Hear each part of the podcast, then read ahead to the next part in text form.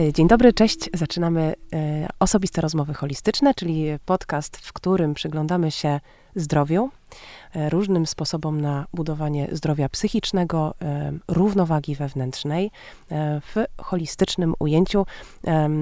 Dzisiaj będziemy mówić o połączeniach i o zależnościach. I myślę, że to jest e, taka najbardziej syntetyzowany e, sposób, w którym mogę przedstawić e, temat, o którym dzisiaj będzie. Będziemy mówić o mikrobiocie. Jestem bardzo podekscytowana i bardzo zaszczycona. Jest ze mną profesor Ewa Stachowska. Witam, pa, witam Ciebie i Państwa bardzo serdecznie.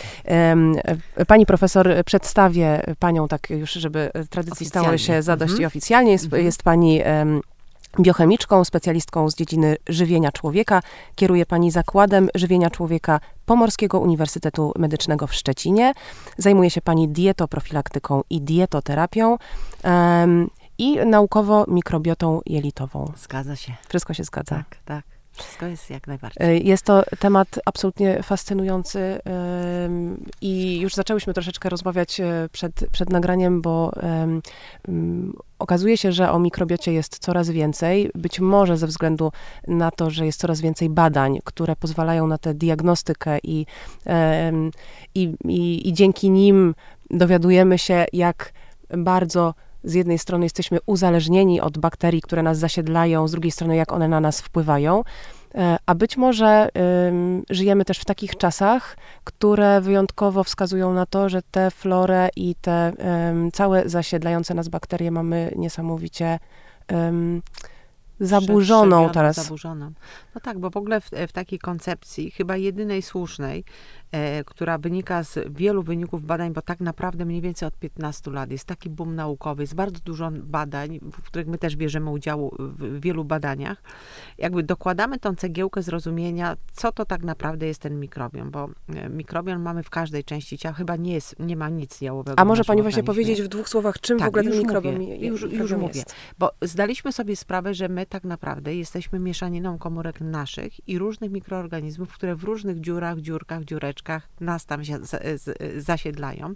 Mniej więcej takie proporcje tych, y, tych, y, tych komórek bakteryjnych, szczególnie tych jelitowych do naszych, no one są mniej więcej jeden do jednego, ale ilość informacji genetycznych przenoszących, prze, przenoszonych przez te mikroorganizmy, no jest 100, tych jelitowych jest 150 razy większa od naszej, czyli nasze geny robią czy na bazie naszych genów powstają nasze białka, ale na bazie tych genów, ogromnej ilości mikroorganizmów powstają różne produkty, różne białka, które przez tysiące lat ewolucji były wprzęgnięte po prostu w nasze zdrowie, bo ten najbardziej obfity mikrobiom, który jest w naszym organizmie, to jest mikrobiom jelitowy i przez wiele, wiele lat, e, jak już tam się e, okazało, że te mikroorganizmy, czym one są i że, że one, część, część z nich jest taka bardzo niedobra dla naszego zdrowia, że wywołują choroby i nastała era niestety, mówię, mhm, dezynfekcji. Niestety, tak, dezynfekcji, antybiotykoterapii która zresztą uratowała milionom y, ludzi życie, no ale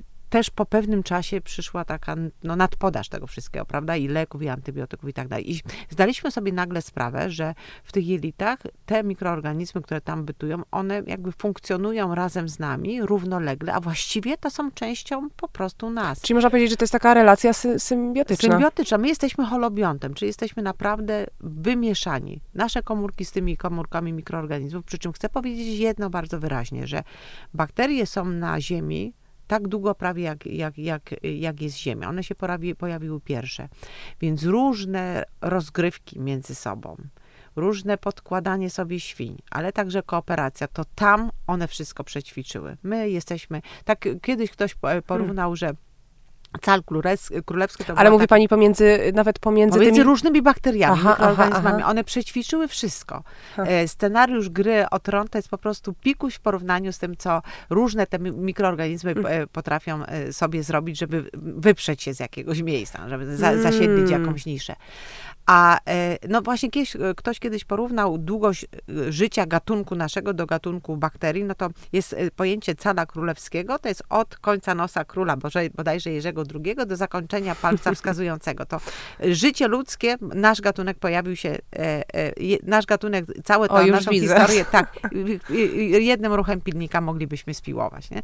Czyli to jest, to jest bardzo krótko w stosunku do tej ogromnej, ogromnej ilości różnych doświadczeń, które właśnie zebrały e, mikroorganizmy. I te, które mamy w jelitach, one rzeczywiście są po prostu częścią nas i część różnych rzeczy, które są potrzebne dla naszego funkcjonowania, dla naszego zdrowia, po prostu jest wytwarzana właśnie przez mikrobiom jelitowy, czyli przez bakterie, ale też wirusy, grzyby, część pasożytów, blastocysty. Póki tam nie ma żadnych objawów, to one też mają być składem prawidłowej mikrobioty.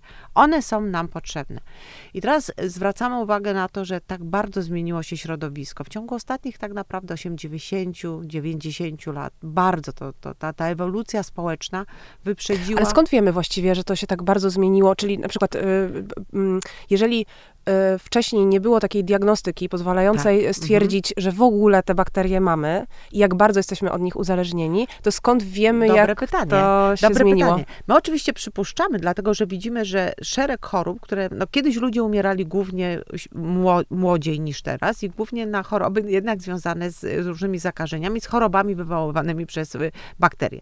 Nastała era dobrych leków i antybiotyków, oczywiście to się skończyło, zaczęły się choroby metaboliczne, żyjemy dłużej, ale z kolei umieramy na choroby cywilizacyjne. I wydaje się, że jedną z tych przyczyn takiego rozplenu różnych chorób, no, głównie otyłości, ale także choroby niedokrwiennej serca, ale także chorób neurodegeneracyjnych, to nie tylko jest wiek, to, że przeżywamy dłużej, ale także to, że bardzo mocno naruszyliśmy e, poprzez naruszenie struktury całego środowiska, czyli tam sposobu żywienia, uprawy, produkcji żywności, przechowywania mm. żywności, ale też snu, ale też aktywności. Cało to, smogu. To, wszystko, smogu, wszystko to, co się składa na nasze życie.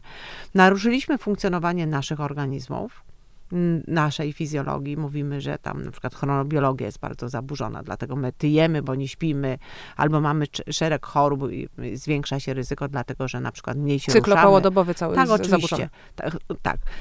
Gorzej się ruszamy, gorzej śpimy i to wpływa na, na nasze zdrowie. Ale proszę sobie wyobrazić, że to także wpływa na oczywiście mówimy teraz w dużym jakimś takim uproszczeniu, na zdrowie tej ogromnej komuny, bo nie ma, y, którą mamy w swoich jelitach, nie ma drugiej takiej społeczności, tak bardzo skomplikowanej.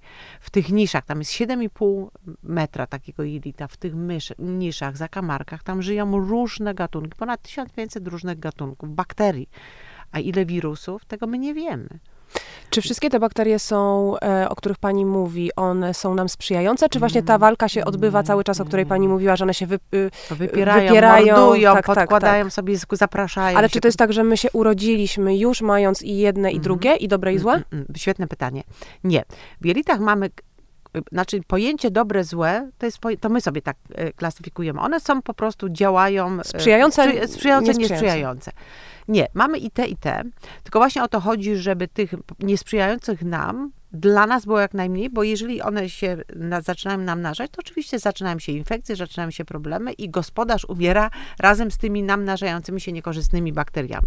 Dlatego też mm, y, y, cały mikrobiom składający się i z tych niedobrych, powiedzmy, i z tych dobrych, tak ze sobą te bakterie współpracują, że one same ograniczają poprzez produkcję różnych cząsteczek białkowych rozrost tych patogennych. Jakby one też same wiedzą, że jeżeli rozrośnie się za bardzo jakaś komuna, dopuści się do rozrostu pewnych bakterii, które są bakteriami, powiedzmy, takimi zagrażającymi egzystencji naszej, a co za tym idzie ich, ich to one potrafią ten rozrost ograniczyć. Rzeczywiście nasz układ odpornościowy też.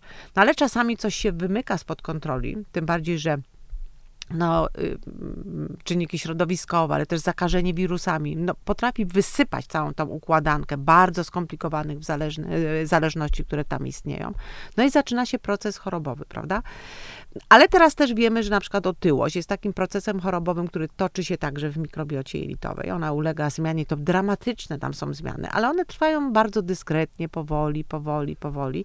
I my się budzimy za, po 30 zwykle, że o kurczę, tutaj jem tyle samo, no niby ruszam się tyle samo, a jednak tyję I co to to w ogóle jest? A to może być to, że no właśnie takie dyskretne zmiany mikrobioty jelitowej powodują, że narasta troszkę ilość tych bakterii, które wcale nie są patogenne. To są dobre bakterie. Ale czy to jest naturalny? Może być naturalne, tak, może być naturalne. Nie, bardzo potrafimy to w, Mhm. w, wytłumaczyć. Co jest powodem? Ale, tak, bo to są bakterie na ogół komensalne, czyli korzystne, które odkładają troszeczkę, troszeczkę lepiej metabolizują błonnik i odkładają troszeczkę więcej energii. Dla około 200 kilokalorii dziennie. Tak sobie dosypują Mhm, nam. mhm, A my mhm. wcale nie chcemy tych 200 kilokalorii, prawda? Czyli, bo w tej chwili przecież żyjemy w świecie dostępu do żywności, nie potrzebujemy. Mamy problem, żeby e, zredukować masę ciała, a nie żeby przytyć. Ale być może jest też tak, że mm, ewolucyjnie, no, człowiek, który się już po 30, to kiedyś był już człowiek naprawdę No tak, leciwe. leciwy, że te bakterie mu tam pomagały, żeby on troszeczkę jednak miał większe Mhm. szanse na przeżycie, prawda? Jeżeli mu Mhm. tam będą dokładały po te 200 kilokalorii codziennie więcej, no to tam się robi po półtorej miesiąca kilo tłuszczu. Mhm. No, tego nie chcemy. Prawda? I to tak, no, te mikroorganizmy, one są rzeczywiście, e, one muszą z nami współpracować i my, my powinniśmy współpracować mądrze z nimi, a z drugiej strony wiemy, że to wszystko, co negatywnie w tej chwili wpływa na nas, te czynniki środowiskowe, zanieczyszczenie i to, co mówiłyśmy, wpływa niekorzystnie na nas, ale też dramatycznie wpływa na mikrobiom, bo my nie rodzimy się z mikrobiomem ukształtowanym. On się kształtuje około trzeciego roku życia, ale rodzimy się z takim, no Mhm. poród jest takim momentem bardzo ważnym. Ale co to znaczy, że on się kształtuje? To znaczy, że kształtuje się właśnie układ sił Tak, pomiędzy tak, tak, tymi tak, wszystkimi tak, koteriami, takimi Okej. różnymi tam. I potem, I potem zostajemy z takim układem sił, jak, jak osiągamy ten trzeci Mhm, e, mhm. rok życia. Okej, czyli to jest taki nasz print, można Tak, powiedzieć. tak. Dostajemy wtedy dowód. Dowód Mhm. osobisty. Jesteśmy dorośli, jeśli chodzi o mikrobiotę jelitową. Ona kształtuje się oczywiście e, w życiu płodowym już Ale na potem ona się zmienia, tak jak pani powiedziała. Cały czas, ona się dramatycznie potrafi Mhm. zmienić. To jest bardzo płynne. To, nie, to jest narząd chyba najbardziej mniej stały w naszym organizmie. Ale mhm, bo, bo, bo cały czas nie rozumiem tego, co to znaczy, że ona się kształtuje do tego trzeciego roku życia. Jeżeli ona jest ukształtowana w sposób prawidłowy, powiedzmy, Mhm, do tego trzeciego mhm, roku życia, to ona później mm, ma tendencję do tego, żeby wracać do tego, czy to jest taki układ właśnie sił, który jest Cudowne najbardziej... pytanie. Do, cudowne pytanie. To bardzo zależy. Bardzo zależy przede wszystkim od tego, kiedyś myśleliśmy, że od sposobu przyjścia na świat, bo ten najbardziej fizjologiczny moment, kiedy rzeczywiście zasiedla się mikro, jelita dziecka, powstaje ta mikrobiota u dzieciaczka, to jest sport, bo wtedy pęka pęcherz płodowy i do jelita przez, przez, przez buzię, przez, em, dostają się bakterie z, z pochwy mamy.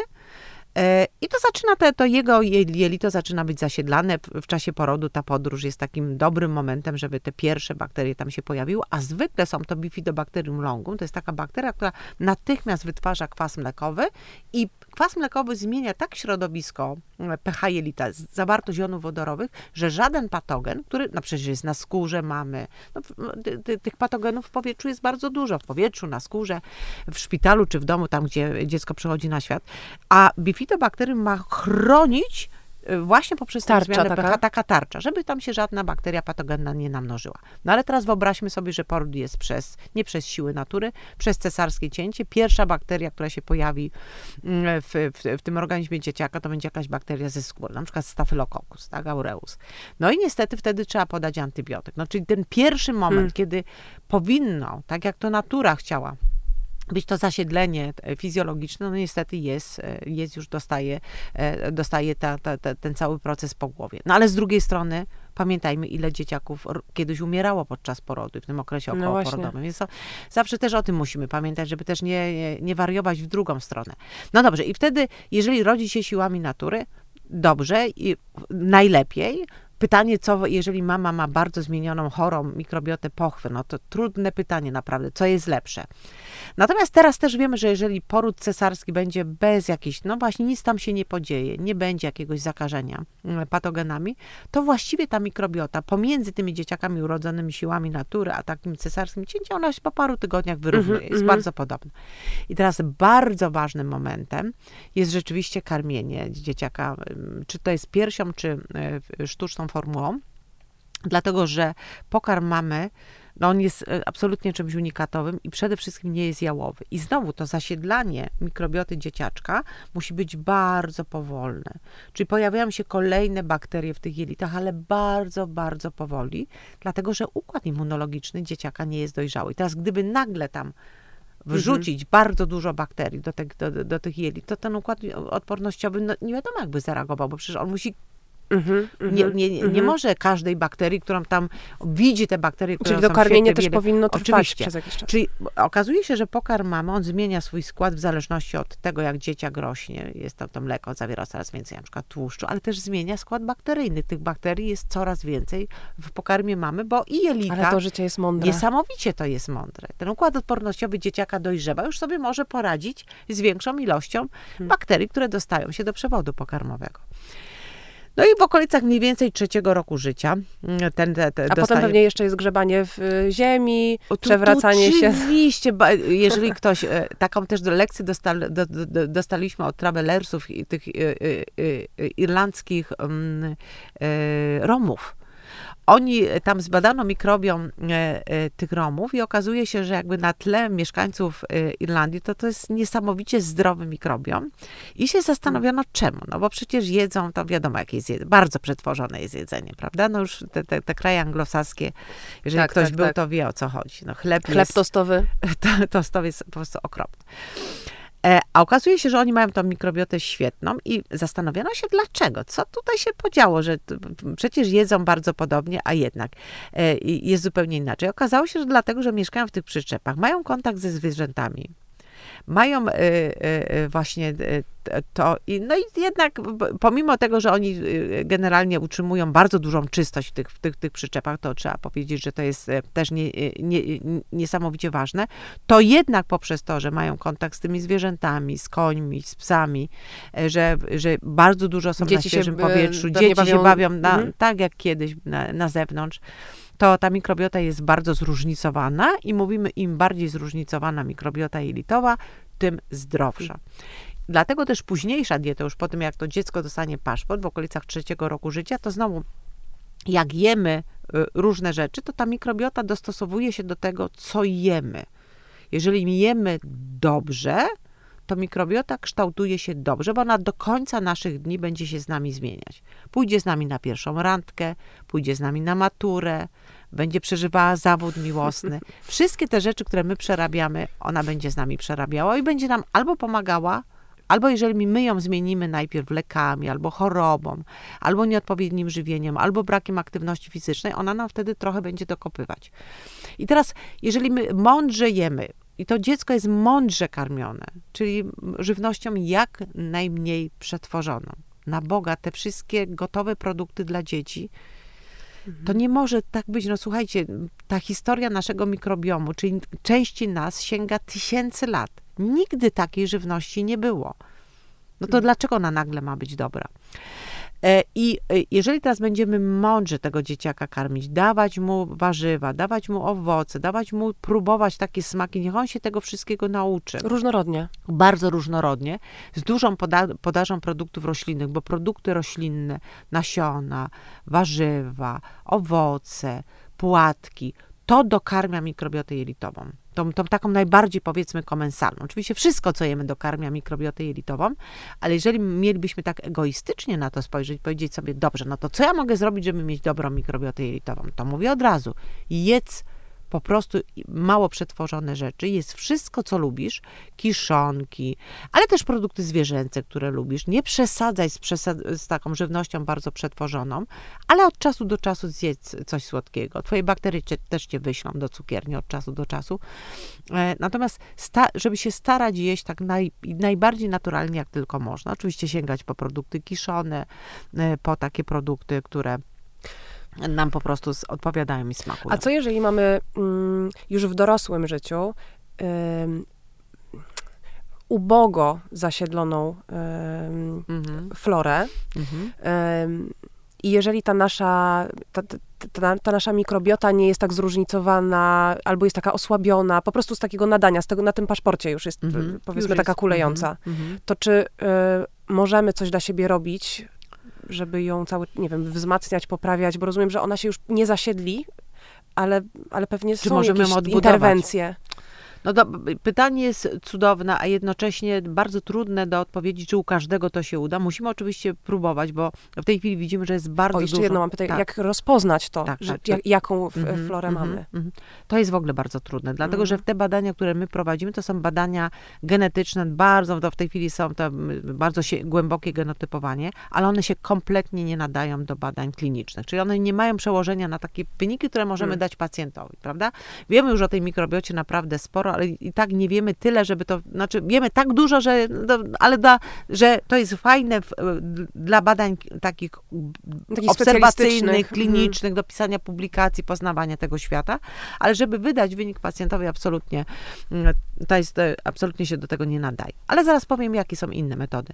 Natomiast my to widzimy, że w tej chwili bardzo wiele osób, i to niestety coraz młodszych osób, ma problemy jelitowe, które e, e, zawsze się manifestują, bo jeżeli jest zmiana mikrobioty jelitowej, to będziemy to mieli to, to będziemy tego, to, to czuli. Raz, że będziemy czuli co, jakiś dyskomfort w brzuchu, czyli to najczęściej są te zaburzenia funkcjonowania jelita. To może być zespół jelita nadwrażliwego, to oczywiście mogą być choroby zapalne jelita, no to już odpukuje od razu, nie daj Boże, ale bardzo często to są y, zaburzenia czynnościowe jelita, które w tej chwili, no część z nich mówimy, że to jest przerost bakterii w jelicie cienkim, to, to sławne SIBO, tak, no wszyscy to mają, no, te, też pytanie, czy to jest nadrozpoznawalność, tego naprawdę nikt nie wie.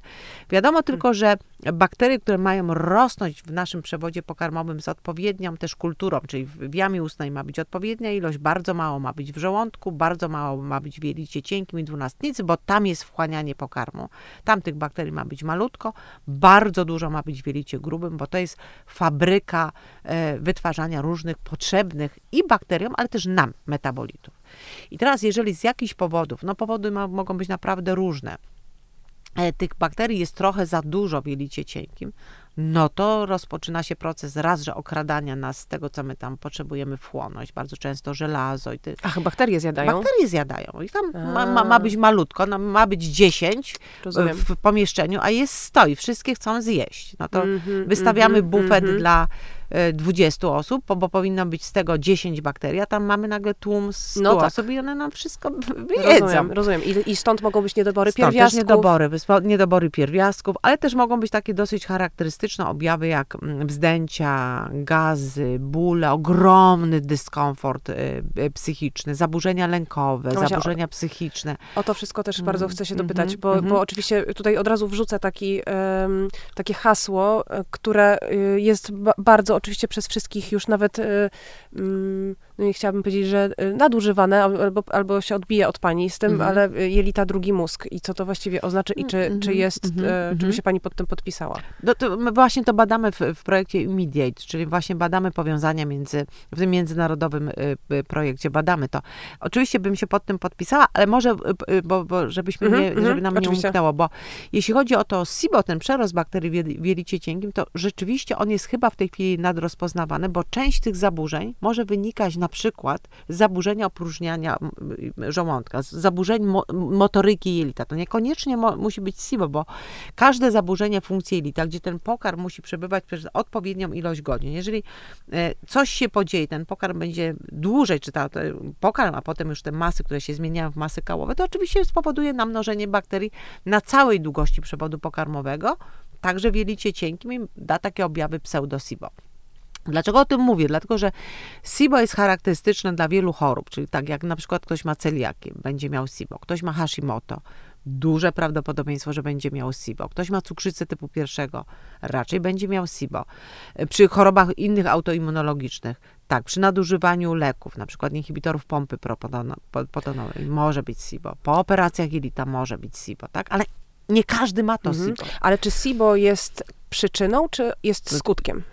Dobre pytanie. Jeżeli, e, jeżeli to jest, e, jeżeli te objawy świadczą o tym, że jest to i wchodzi już jako, e, do, do, można to zakwalifikować jako nie zespół objawów, tylko coś, co trzeba leczyć, no to SIBO prawdopodobnie samo z siebie chyba nigdy by nie powstało, chyba że dochodzi właśnie do zaburzeń pracy układu immunologicznego. Stąd też w chorobach autoimmunologicznych, w Hashimoto, w cukrzycy, te bakterie się namnażają. Albo powstaje w wyniku no, niedziałania e, e, dobrej zastawki, która e, powoduje, że nie powinien się cofać pokarm i też i bakterie z jelita grubego do jelita cienkiego, albo po operacjach. Wtedy jest to na skutek jakiegoś działania, albo na skutek leczenia, albo na skutek rozwijającej się choroby. A stresu? Poja- a, stres w ogóle wpływa Stres wpływa na nasze jelita w ten sposób, że no, nasze jelita są mocno unerwione, I e, jest taki e, układ nerwowy, który kontroluje pracę jelit, nazywa się układem enterycznym czy enteralnym. I on jest rzeczywiście powiązany mm, z centralnym układem nerwowym, ale też sploty tego układu nerwowego, szczególnie nerw, 13 nerw czaszkowy, czyli ten słynny nerw, o którym w tej chwili wszyscy mówią, że jest taki bardzo ważny. Jakby całość jest ze sobą połączona, czyli mózg będzie odpowiadał za prawidłową funkcję funkcję głównie motoryczną jelita, czyli jeżeli jesteśmy zestresowani, tak, to te sygnały stresu, czy przepracowani, czy przemęczeni mogą wpłynąć na zaburzenia motoryki jelita. Ona może się zmienić i wtedy bakterie, jeżeli mhm. coś ma być w jelicie przez dwie godziny, a będzie przez dwie i pół, to znaczy, że o pół godziny dłużej i już się namnożą. Mhm. Bakterie mnożą się bardzo szybko, czyli w postępie ogromnym, logarytmicznym te bakterie się namnożą w jelicie i dadzą objawy takie jak na przykład SIBO, tak? Przy czym to nie wynika z SIBO, tylko wynika na przykład z tego mhm, stresu. Mhm, mhm, no i na odwrót, jeżeli znowu w tych jelitach coś tam nam się wysypie, pokotwasi, narosną jakieś bakterie, które są bakteriami wytwarzającymi takie prozapalne metabolity, takie, które nam no, nie pomagają, to oczywiście poprzez aktywację właśnie zakończeń nerwowych, e, poprzez e, e, wydzielanie do krwiobiegu tych toksycznych metabolitów, z których część może przejść przez barierę krew-mózg, też centralny układ nerwowy może odpowiadać pogorszonym nastrojem, zaburzeniami lękowymi, zaburzeniami depresyjnymi. Stąd też w tej chwili się mówi, że część, część zaburzeń lękowych, czy właśnie zaburzeń depresyjnych, czy pogorszenia nastroju, czy takich, e, no też mówimy, że część pacjentek ma takie objawy, jakby miała fibromialgię, ciągle tam coś boli, ale one wcale, no nie, obiektywnie są zdrowe, ale ciągle na coś tam narzekają. Mają jakieś takie powody do, do narzekania, że mają dyskomfort, że mają ból. Być może jest to związane z wcześniejszą terapią, na przykład z antybiotykoterapią, czy z takim przewlekłym stresem, który zmienił na tyle mikrobiotę jelitową, że ona zaczyna w tej chwili hmm. tak negatywnie wpływać na centralny układ nerwowy. I to nie są żadne, to nie jest żadna czcza gadanina, influencerskie takie wymysły. Tak jak no, pani powiedziała, że no, dużo w tej chwili tego. Bo były takie badania robione, przecudne, e, a mianowicie mm, mm, zaproszono na oddział mm, gastrologii e, psychiatrów i e, oni ze swoimi narzędziami pobadali pacjentów leżących tam z chorobami zapalnymi jelita, ale też z zespołem jelita, wszystko to, co tam tak. dotyczy chorób jelit. I okazało się, że około połowa z tych pacjentów którzy przyszli do szpitala, są hospitalizowani z powodu chorób układu pokarmowego, ma zaburzenia psychiczne. Tak? Im cięższy przebieg choroby, tym te zaburzenia są cięższe. Nawet do 80% pacjentów z chorobą leśniowskiego krona ma zaburzenia depresyjne. Hmm, Możemy powiedzieć, tak. no ale dobrze, no, kto się ma dobrze czuć, kto ma, e, kto ma taką chorobę. Ale nie, nie wynika to tylko z faktu, że jest się chorym, tylko z po prostu fizjologicznego zaburzenia funkcjonowania mikrobioty jelitowej. Bo znowu, kiedy gastroenterolodzy poszli na ten oddział do psychiatrów i swoimi narzędziami zbadali pacjentów, którzy tam byli hospitalizowani z powodu różnych, właśnie głębokiej depresji, mhm. ale też zaburzeń lękowych, ale też schizofrenii, no wszystkiego te, takie te pakietu chorób mm, psychicznych, czy jakichś y, y, zjawisk takich y, związanych z pogorszeniem nastroju. No i okazało się, że znowu, no, y, w różnych schorzeniach y, różna była liczba, ale większość z tych pacjentów coś tam w tych jelitach ma. A to wzdęcia, a to gazy, a to biegunki. Czyli jakby te jelita też nie pracują prawidłowo. Hmm. Więc to była najlepsza jakby metoda, żeby od strony klinicznej zobaczyć, że coś rzeczywiście jest na rzeczy. Mało tego, takim dowodem też nie wprost było badanie kiedy wybuchła rewolucja w Rumunii, obalono komunizm, no to e, tamten reżim był bardzo krwawy i okrutny i część ludzi oglądała całe te zamieszki, to, to wszystko, co się działo w, w, w telewizji, nie wychodziła z domu i okazuje się, że po, y, jak już upadło, upadł ten reżim, to ilość pacjentów przyjmowanych na e, oddziały gastroenterologiczne z powodu właśnie pogorszonej funkcji jelita, z powodu rozwoju niespotykanego nasilenia chorób układu pokarmowego była no, no ogrom, już nie pamiętam, 30-40% No ale to wszyscy pacjentów. wiemy, wszyscy znamy to po sobie, bo każdy... Yy, Zakochał się, miał motyle, Na przykład prawda? stany emocjonalne mhm. zazwyczaj od razu się manifestują, przynajmniej mnie na pewno Burczy, brzuchu. przelewa się, tak. Oczywiście, tak, albo, tak, albo mam tak. ściśnięty żołądek, albo no, to, to jest jakby taka, taki tak. papierek lakmusowy tak, na to, w, w jakim stanie też emocjonalnym jestem. Mogę, mogę też po objawach A to niedobre ciała. jest, to jest naprawdę niedobre. Trzeba robić wszystko, żeby hmm. troszkę sobie to od, spróbować właśnie od, od, od, odbarczyć.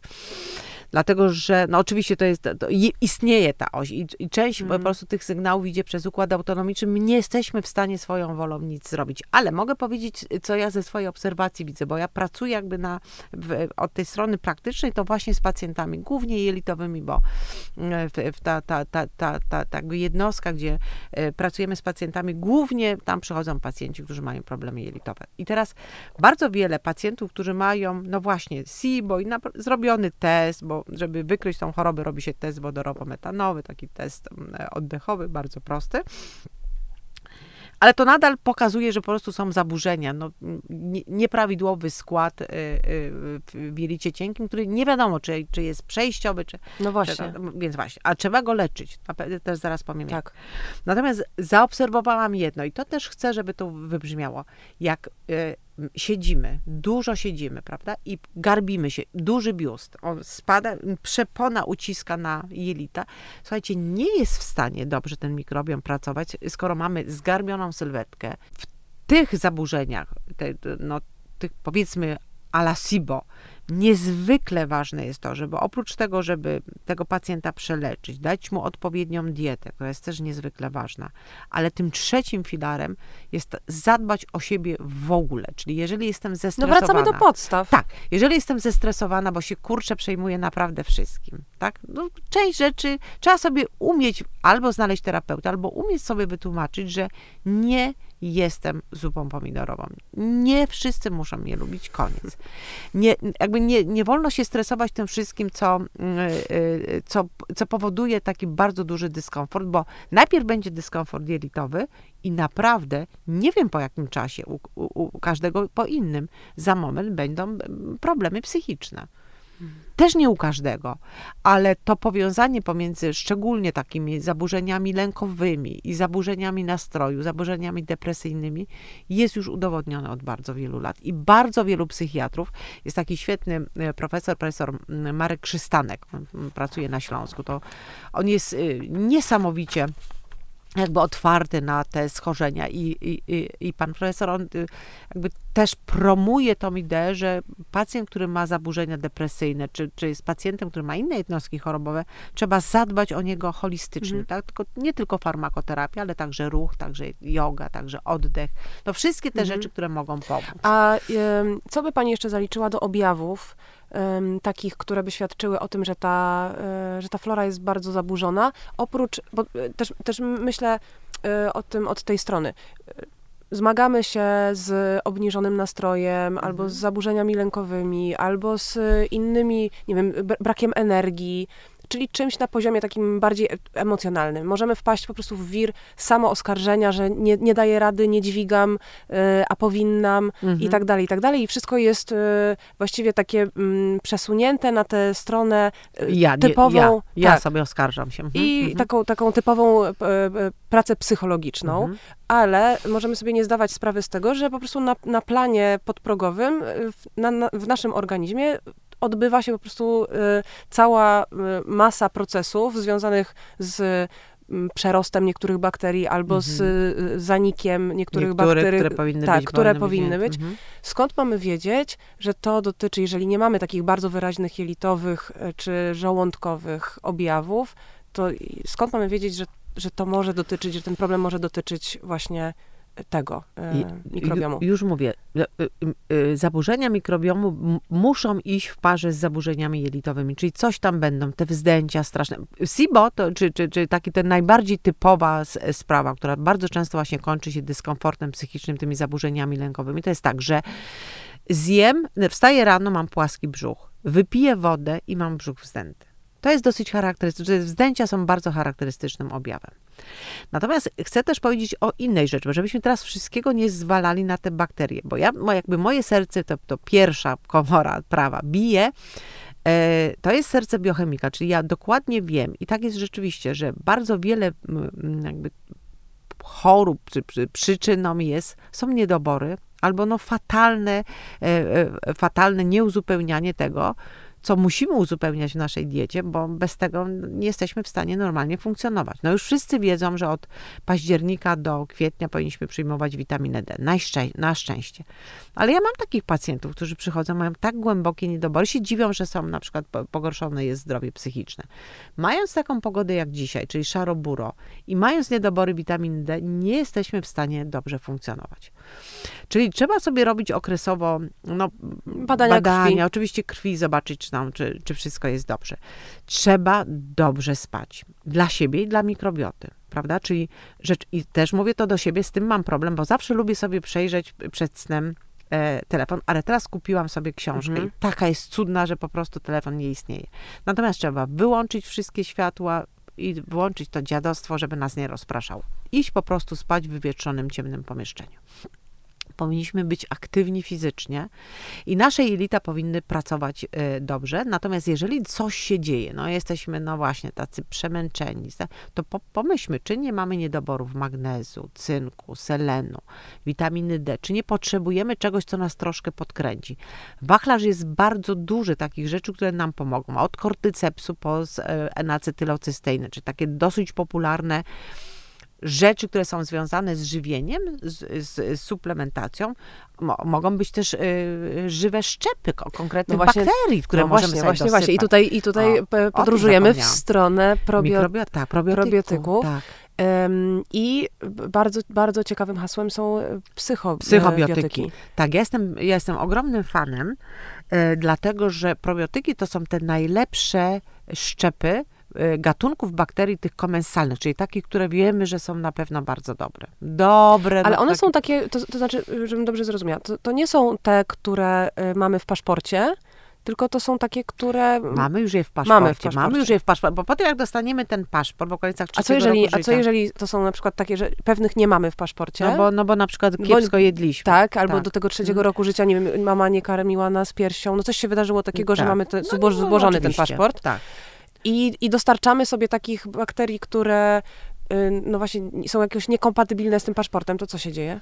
To, ale to są, no, trudno, żeby nie było w, w jelitach lactobacillus na przykład plantarum, no to mhm. one raczej tam są. E, jeżeli człowiek w, tej, e, e, jaka jest moja rada? To, żeby szczepy probiotyczne brać z, znaczy te, tak, takie lokalne, rodzime, dlatego, że też na przykład mieszkańcy Europy Aha. mają troszkę inną Nasze polskie. Znaczy nawet nie tyle nasze polskie, co nasze europejskie, nie? Z tej mhm. części świata, bo my się mniej więcej podobnie tutaj żywimy. Mm, e, natomiast to jest trudne pytanie. Jeżeli się dobierze, bo probiotyk działa na tej zasadzie. Mam trochę mało bakterii tych najlepszych. Tam coś się podziało, na przykład, nie wiem, przechodziłam jakieś leczenie. Wiadomo, że te patogeny, one przetrwają wszystko. A szczególnie jeżeli e, ta, ta mykobiota, czyli grzyby, pamiętajcie, że one są częścią naszej mikrobioty jelitowej jest sporo różnych gatunków grzybów, oczywiście też takie straszliwie niefajne, ale jest ich znowu bardzo mało. One są pod swoją kontrolą, pod kontrolą bakterii naszego układu immunologicznego. No ale teraz ciach, dostajemy lek antybiotyk. No to większość tych bakterii, niestety, bakterii y, dostaje po głowie.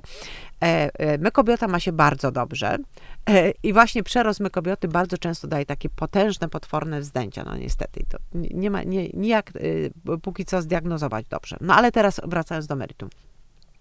Jeżeli damy probiotyk, to dajemy takie super przebadane, oczywiście mówię o dobrym probiotyku, super przebadane szczepy, które w danych populacjach, mówię tutaj o mhm. populacji Europejczyków, działały. Mamy badania kliniczne z placebo, zaślepione, że dając pacjentowi takiemu, w takiej czy w takiej sytuacji, przy takim czy takim, mm, no, mm, chcemy pomóc na przykład, nie wiem, właśnie w tych wzdęciach, czy uspokojeniu funkcji, czy w, y, zahamować biegunkę, to oczywiście zawsze namawiam do tego, żeby iść do lekarza, ale podstawą też te, te, tej terapii musi być odpowiednie żywienie, czyli odpowiednio dobrana dieta, plus bardzo często fajnie działa właśnie probiotykoterapia, czyli wrzucenie tych najlepszych, najbezpieczniejszych szczepów, które są na przykład częścią y, pożywienia, wobec tego też od milionów lat są w diecie człowieka.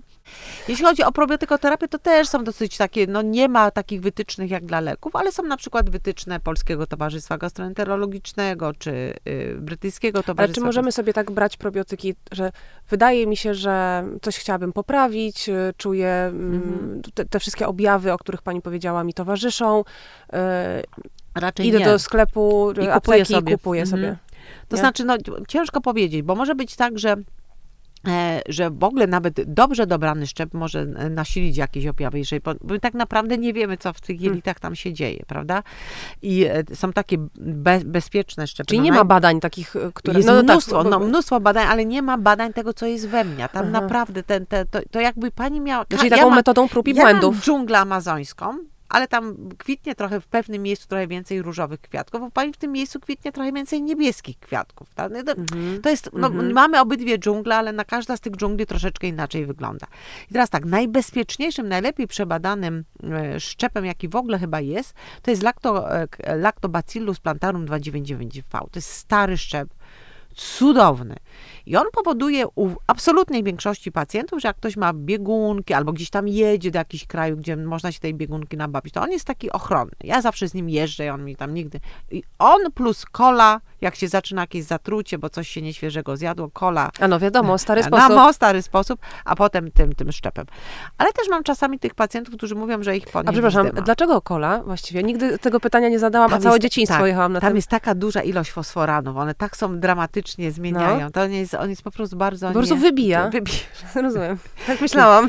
Nie spodziewałam jest, się niczego innego, tak, ale... Jest, jest okropne, ale to jeżeli, jeżeli no, się no. go stosuje... No ale właśnie, ale wracając, no, wracając. Do, do, do tego szczepu. No on zawsze mm, jest świetny, i zawsze powoduje, że no, u większości absolutnie 99,99, ,99, że się zatrzymuje, znaczy zmniejsza się częstotliwość wypróżnień, zresztą ma wiele metaanaliz, świetny jest, naprawdę świetny.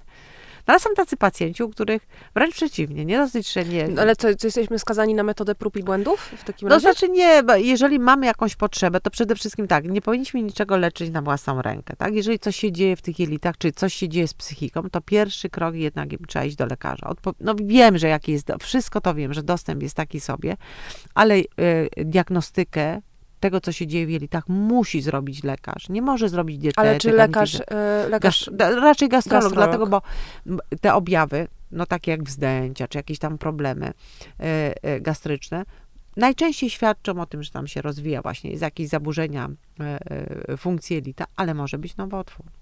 Tak, no nie mhm. można tego, nie zostawiajmy tego, to diagnosty- za sprawy diagnostyki odpowiada lekarz.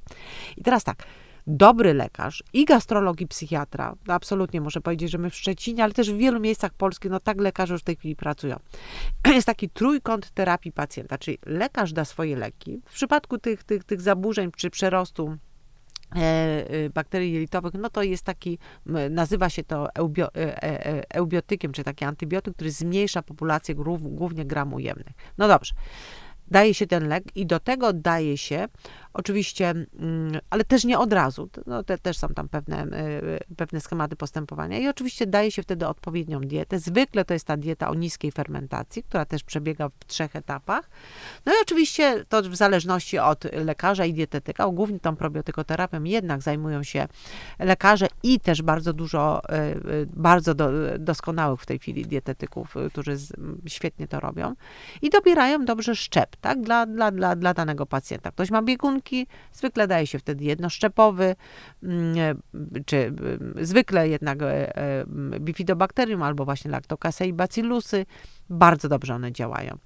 A jeżeli mamy taki problem właśnie związany z, nie wiem, z jakimiś zaburzeniami lękowymi, musi być, musi być lekarz psychiatra, bardzo często musi być psychoterapeuta, no bo tak jak mówiłyśmy, część tych problemów nie wynika z niczego innego, jak z tego, że nie umiemy sobie poradzić ze stresem. I ten stres, mm -hmm. który tam się mm -hmm. gdzieś kłębi, w nas zaczyna się kłębić w, w tej osi mm -hmm. bakterie jelito mózg mhm. i wraca do jelita mhm. i z jelit wraca poprzez te No tak, ale rozumiem, rozumiem, Mhm. że w, takiej, e, w takim holistycznym ujęciu, terapeutycznym, Mhm. gdzie mamy, mm, sięgamy po pomoc, e, po różne narzędzia i po Mhm. pomoc różnych specjalistów, czyli e, możemy pójść na terapię, Mhm. możemy, no i możemy włączyć równocześnie, czyli z jednej strony pracujemy dietę, oczywiście tak, nad swoim, mhm, tak, wiadomo, nad mhm. sobą i swoim rozwojem, em, a z drugiej strony właśnie zmieniamy dietę i możemy włączyć też psychobiotyki w? Psychobiotyki, tak. Bo psychobiotyki to są probiotyki, które muszą pomóc w jelicie. One zasiedną przepięknie. Znowu to są te najbardziej dobroczynne bakterie,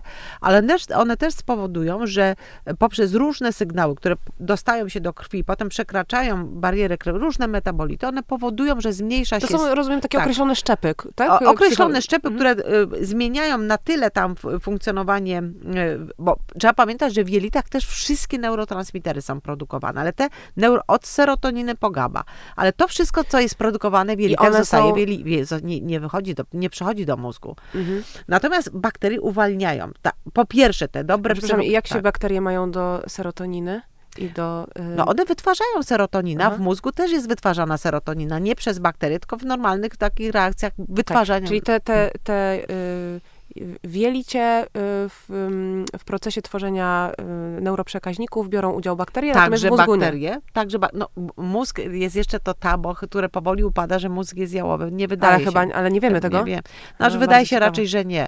Natomiast rzeczywiście te neurotransmitery, które są wytwarzane normalnie przez komórki nerwowe, w jelitach są także wytwarzane przez to towarzystwo jelitowe. One tam bardzo dużo wszystkich neurotransmiterów wy, wy, wytwarzają, stąd też ta... A co się- jeść, żeby, żeby pomóc? a dobre, do, bardzo dobre pytanie. E, e, Stąd też, e, no właśnie, serotonina wytwarzana w jelitach, ona jest odpowiedzialna. No, głównie, na, najwięcej serotoniny jest wytwarzane w jelitach. Ona jest odpowiedzialna za motorykę mm, jelit. Co jeść? Mam długopis przygotowany. Tak, e, e, tą podstawą jest taka dieta antyzapalna, ona się nazywa dietą MIND. Jakby główne to właściwie nie tyle co jeść, a co nie jeść. No nie można jeść rzeczy, które powodują y, zwiększenie tak zwanego zespołu jelita przesiąkliwego, czyli krótko mówiąc powodują, że te metabolity, które mogą dostawać się do krążenia i z krążeniem mogą przedostawać się przez barierę krew-mózg do mózgu, a są zapalne, będą powodowały zapalenie i zmianę wydzielania neurotransmiterów w mózgu. Właśnie psychobiotyki poprzez to, że uspokajają ten Okej. stan zapalny w jelicie, zmniejszają Uszczelniają ten też? przeciek, uszczelniają, tak. Akermasia cudnie tu działa. Uszczelniają barierę jelitową, to tych, tra- ty, ty, tych metabolitów jest mniej. Po drugie, bakterie produkują różne witaminy, ale, także, ale też różne metabolity, które się przedostają też przez barierę krew-mózg, które biorą udział właśnie w prawidłowej funkcji wydzielniczej już tych komórek mm, e, e, wydzielających e, neurotransmitery w mózgu. Ale przede wszystkim tutaj jest ta rola zapobiegania stanu zapalnego. I teraz co jeść? No dieta, która jest dietą podstawową, to jest tak zwana dieta MIND, czyli dieta antyzapalna, gdzie mamy bardzo dużo błonnika, który właśnie w tej diecie błonnik jest najlepszym pokarmem dla tych najlepszej komensalnej, tej najlepszej takiej dla nas prozdrowotnej mikrobioty jelitowej, plus jest bardzo dużo przeciwzapalnych związków polifenolowych. Tak? Od, bo te polifenole to jest nic innego jak barwniki zawarte w roślinach i znowu, żeby już nie komplikować. Mhm. Zdrowa dieta to jest dieta, gdzie na talerzu są różne kolory warzyw i owoców. Czyli jeżeli taki zdrowy talerz, jak podzielimy go na pół, to połowa powinny być produkty pochodzenia roślinnego, ale warzywa, nie skrobiowe. One powinny być różnokolorowe, dlatego że każdy kolor to jest, jakiś, to jest jakaś witamina, jakiś związek polifenolowy. Te polifenole dostają się do naszego przewodu pokarmowego, część ich się wchłania w jelicie cienkim, ale większość spada do jelita grubego i tam dobierają się do tego bakterie, nasze te cenne bakterie jelitowe, przekształcając te już przeciwzapalne polifenole w jeszcze bardziej przeciwzapalne, takie pochodne tych polifenoli. To jest cud. A jakieś kolory y, specjalnie? Na jakieś kolory zwracać uwagę? Tu tym kolorem jest kolor granatowy, owoce jagodowe, cudne są. A, no oczywiście. Potem mamy cudowne tłuszcze, te tłuszcze, które są zawarte w orzechach, ale też w tłustych rybach, ale też w algach. Tak? Mhm. Kwasy tłuszczowe do kozaheksenowe i kozapentaenowe, czy to są te najlepsze tłuszcze antyzapalne i one rzeczywiście mają ogromne działanie, wyhamowują proces zapalny, stąd też te tłuszcze dajemy też pacjentom onkologicznym. To jest bardzo bezpieczna rzecz. Potem jest cały szereg rzeczy, które zwiększa wyrzut, e, e, wyrzut e, serotoniny, ale ten w mózgu. To jest na przykład produkty zawierające sporo tryptofanu, mięso indycze, ale też sam tryptofan, to trzeba być już bardzo umiejętnym terapeutą. Najlepiej jakby to robił jednak mm, lekarz albo bardzo doświadczony dietetyk, bo można podawać tryptofan w formie suplementu, tylko czasami, jak jest ten stan zapalny nasilony, czy w, w, centralnym układzie nerwowym, czy w jelitach, to może być tak, że ten tryptofan może trochę pogorszyć, a nie polepszyć funkcjonowanie pacjenta. Bardzo rzadko się zdarza, ale się zdarza. Ale trzeba pamiętać, żeby uzupełnić u takiego pacjenta selen. Potem jest taka gwiazda, y, mówimy o y, gwieździe, w, jeśli chodzi o suplementację w, w, w, w psychoterapii, to jest enacetylocysteina, ten NAK. On też bardzo poprawia funkcjonowanie działa antyzapalnie, poprawia funkcjonowanie centralnego układu nerwowego. Potem co my tam mamy? Całą gamę e, e, matcha, czyli zielona herbata z tymi mm, polifenolami tak? Ja mhm. nie mogę jest, nie mogę naprawdę. O, ja się wkręciłam, robię cały ten, y, tą ceremonię. Tak, y, sobie, tak, tak, tak. tak ja tak. już nawet dostałam. W sensie może, by, tak, tak. Nie, ceremonii całej nie odprawiam, ale mam przyrządy do ceremonii. Przyrządy, przyrządy też mam, tylko no nie, nie lubię tego smaku. Ale pocieszające jest to, że także y, kakao, to prawdziwe, gorzkie, ma cudowne polifenole, jeśli chodzi o, y, o funkcjonowanie mózgu. Potem co jeszcze bym tutaj... O, w tej chwili są bardzo modne i też trzeba bardzo uważać, żeby nie przesadzić, kupić z dobrego źródła takie stymulujące, trochę też poprawiające funkcję mózgu grzyby. To profesor Muszyńska z Uniwersytetu Jagiellońskiego jest takim badaczem grzybów w Polsce i na przykład kordyceps, tak? To, to, to kordyceps to są ta, to, te, te, te substancje zawarte w kordycepsie poprawiają, są takimi, no poprawiają nastrój, też dają więcej energii. Potem co mamy? No szereg takich rzeczy, które też w tej chwili ludzie stosują. To jest szafran, to jest różeniec, prawda? Cudowny jest dziurawiec, ale no dziurawiec jest bardzo, trzeba być ostrożnym z dziurawcem. Dziurawiec bardzo poprawia, działa antydepresyjnie, świetnie poprawia nastrój, no ale nie, jeżeli bierze się jakiekolwiek leki, to ten dziurawiec może całą terapię nam wywrócić, więc nie wolno go brać wtedy, kiedy się bierze jakikolwiek, czy jest się mm -hmm, leczonym mm -hmm. przewlekle. No i nie latem, bo będą plamy, plamy na skórze, no ale on jest rzeczywiście bardzo dobry. No, czy, czy, proszę zobaczyć, pewne rzeczy, pewne minerały, tak jak selen, tak jak cynk, tak jak wapń, tak jak magnez, pewne witaminy, tak jak witamina D, muszą być uzupełnione. I teraz możemy naprawdę nabiedzić się, narobić sobie miliony różnych badań. A jeżeli nie będziemy hmm. przyjmować tych rzeczy, nie be, bo dieta typu mind to jest dieta bardzo obfita w dobre rzeczy, bardzo różnorodna, bardzo roślinna, ale z tłustymi rybami, z odrobiną Ale czy to jest mięsa. taka dieta, którą e, możemy stosować długoterminowo? To całe długo... życie. Aha, o, Bo okay. ta dieta mind to jest też także taka dieta, która, gdzie nie ma takich produktów typowych dla kuchni polskiej, czyli czerwone mięso no cztery razy w miesiącu, nie częściej. Takich przetworzonych bardzo rzeczy. W ogóle przetworzone rzeczy, no same w sobie nie są zdrowe, dlatego że te dodatki, które są, e, żeby to żyło długo na półce, one w tej chwili już wiemy, że są bardzo dla i dla mikrobioty, ale też dla tej warstwy śluzu w jelicie bardzo niebezpieczne. Także ta żywność przetworzona to jest w ogóle o, o, osobny tutaj margines. Natomiast taka dieta jest dietą przeciwzapalną, bo ona jest taka bardzo naturalna. To jest taka dieta jak, nie wiem, 60-70 lat temu, bogaci gospodarze na wsi, nie jedli często mięsa, nawet choć, choć no, byli bogatsi od reszty, jedli strączki, jedli warzywa, to było tanie, mieli wszystko w swoim ogródku, więc sobie ukopali, zrobili, prawda? Mąkę zrobili makaron strączkowy bardzo dużo jadło się mm. grochu, prawda, soczewicy.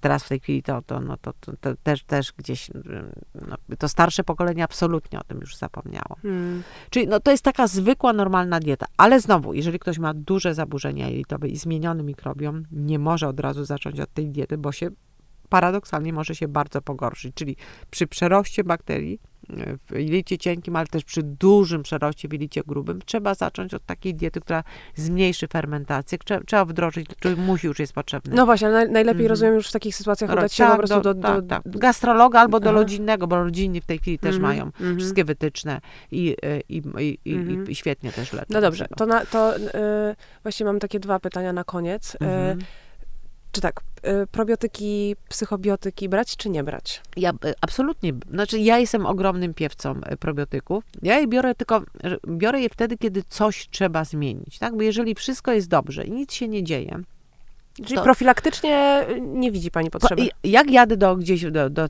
będę chciała jechać, nie wiem, do Egiptu czy do jakichś, to, to oczywiście wtedy tak. Tam sobie wytworzę taką barierę, albo o teraz, jak jechałam do Skandynawii, wiedziałam, że wiele godzin będziemy, zwiedzałyśmy z przyjaciółką Skandynawii, wiele godzin po prostu siedzenia, bo to była taka objazdowa, więc wtedy wzięłam e, e, postbiotyk, czyli fragmenty, z, e, fragmenty bakterii, które działają w ten sposób, że zwiększa się produkcja śluzu i ja jadąc gdzieś, to zawsze mam problemy z takimi, no powiedzmy, nie biegunką podróżnych, tylko zaczopowaniem podróżnych. I tu w ogóle jak ręką odjął. Tego nie było, dlatego że zwiększona produkcja śluzu. Super wszystko było.